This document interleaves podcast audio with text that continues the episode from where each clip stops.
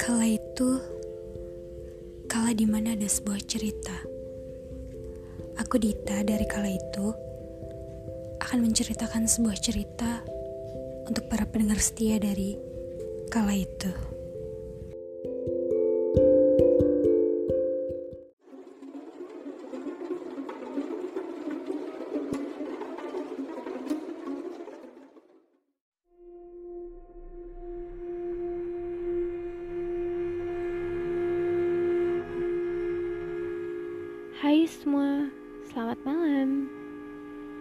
Lagi di episode kala itu spesial malam Jumat. Dan cerita kali ini kala itu akan bercerita tentang pengalaman dari seseorang yang bernama Tata. Nama Instagramnya adalah Tata Inokus. Judulnya Jaran Kepang. Pada tahun 2010, aku hamil anakku yang ketiga. Dan selama masa kehamilanku anak ketiga ini, aku sering ditunjukkan sesuatu yang sebenarnya tidak ingin kulihat. Tapi aku selalu mengucap doa agar anakku dilindungi. Waktu itu, malam sebelum kejadian aneh itu muncul, tiba-tiba saja aku dikagetkan dengan sosok hitam besar di atas lemariku. Aku sudah benar-benar memastikan saat itu benar-benar melihatnya. Tapi tak lama kemudian, tiba-tiba aku terbangun dari tidurku. Ah, itu cuma mimpi ucapku sambil mengelus-elus perutku. Beberapa bulan kemudian, tepat di usia kehamilanku ketujuh, kejadian aneh itu muncul.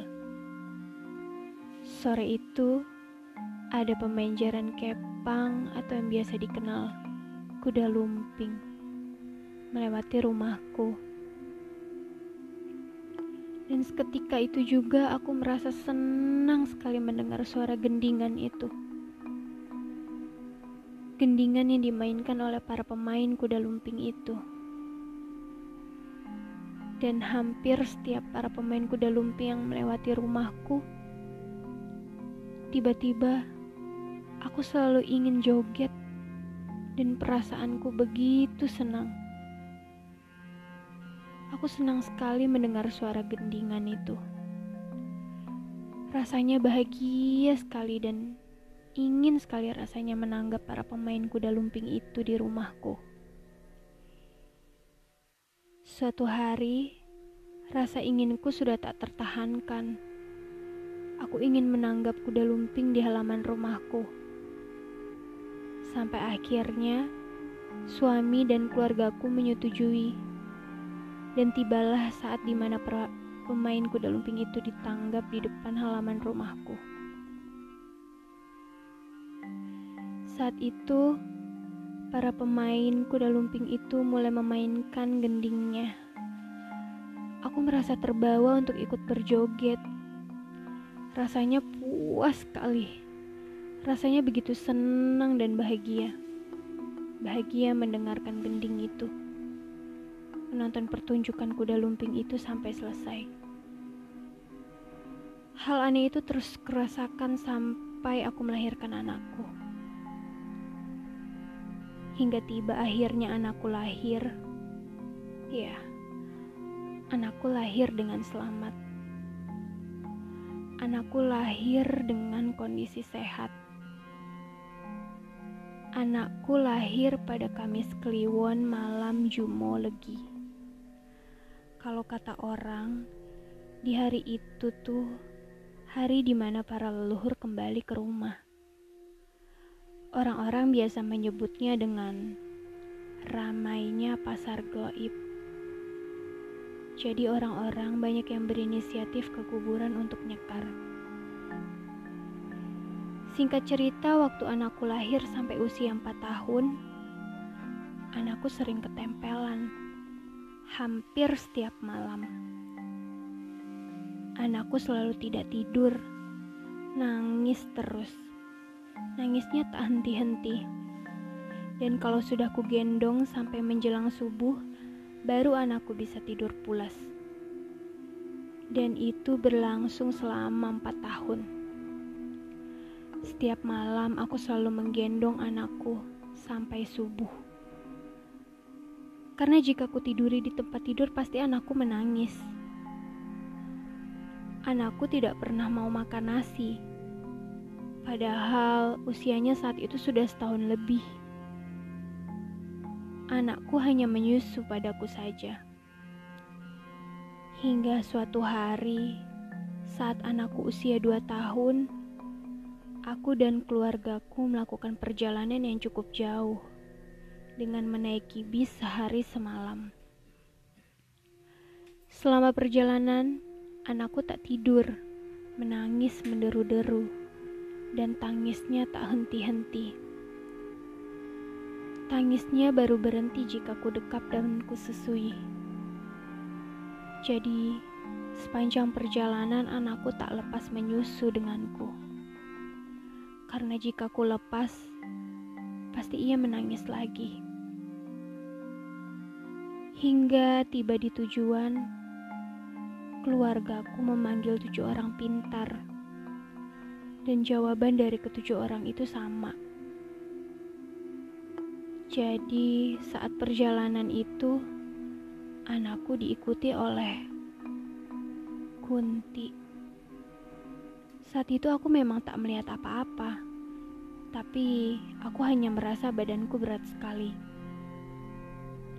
Beberapa tahun kemudian saat usia anakku sudah empat tahun, sering sekali kulihat anakku main dan ngomong sendiri. Pernah saat itu aku tanya, Dek, Adik main sama siapa? Itu bu, ada temanku. Lalu ku tengok sana sini tak ada orang satupun. Hingga akhirnya, suatu hari aku dan keluargaku memutuskan untuk pindah rumah. Kami pindah ke sebuah desa. Di hari yang sama saat kami pindah, tepatnya di sore hari menjelang maghrib, Kebetulan di desa itu sedang mengadakan gebyok desa malam satu suro. Tradisinya adalah menanggap jaran kepang. Ya, yang biasa disebut kuda lumping. Anakku sedang tertidur pulas.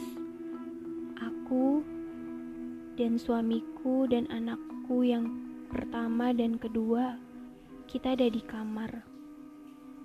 Tiba-tiba saja aku mendengar samar-samar suara kenceringan seperti suara kenceringan gelang kaki dari para pemain jaran kepang itu. Lama-kelamaan suara itu semakin jelas ku dengar. Dan tiba-tiba saja, tok tok tok tok tok. Ada suara ketukan pintu yang lumayan keras. Siapa sih ini? Kataku menggerutu. Lalu kubuka pintu dan aku dikejutkan dengan salah satu dari pemain jaran kepang yang sedang kesurupan. Ditemani oleh satu pemain lainnya yang masih sadar.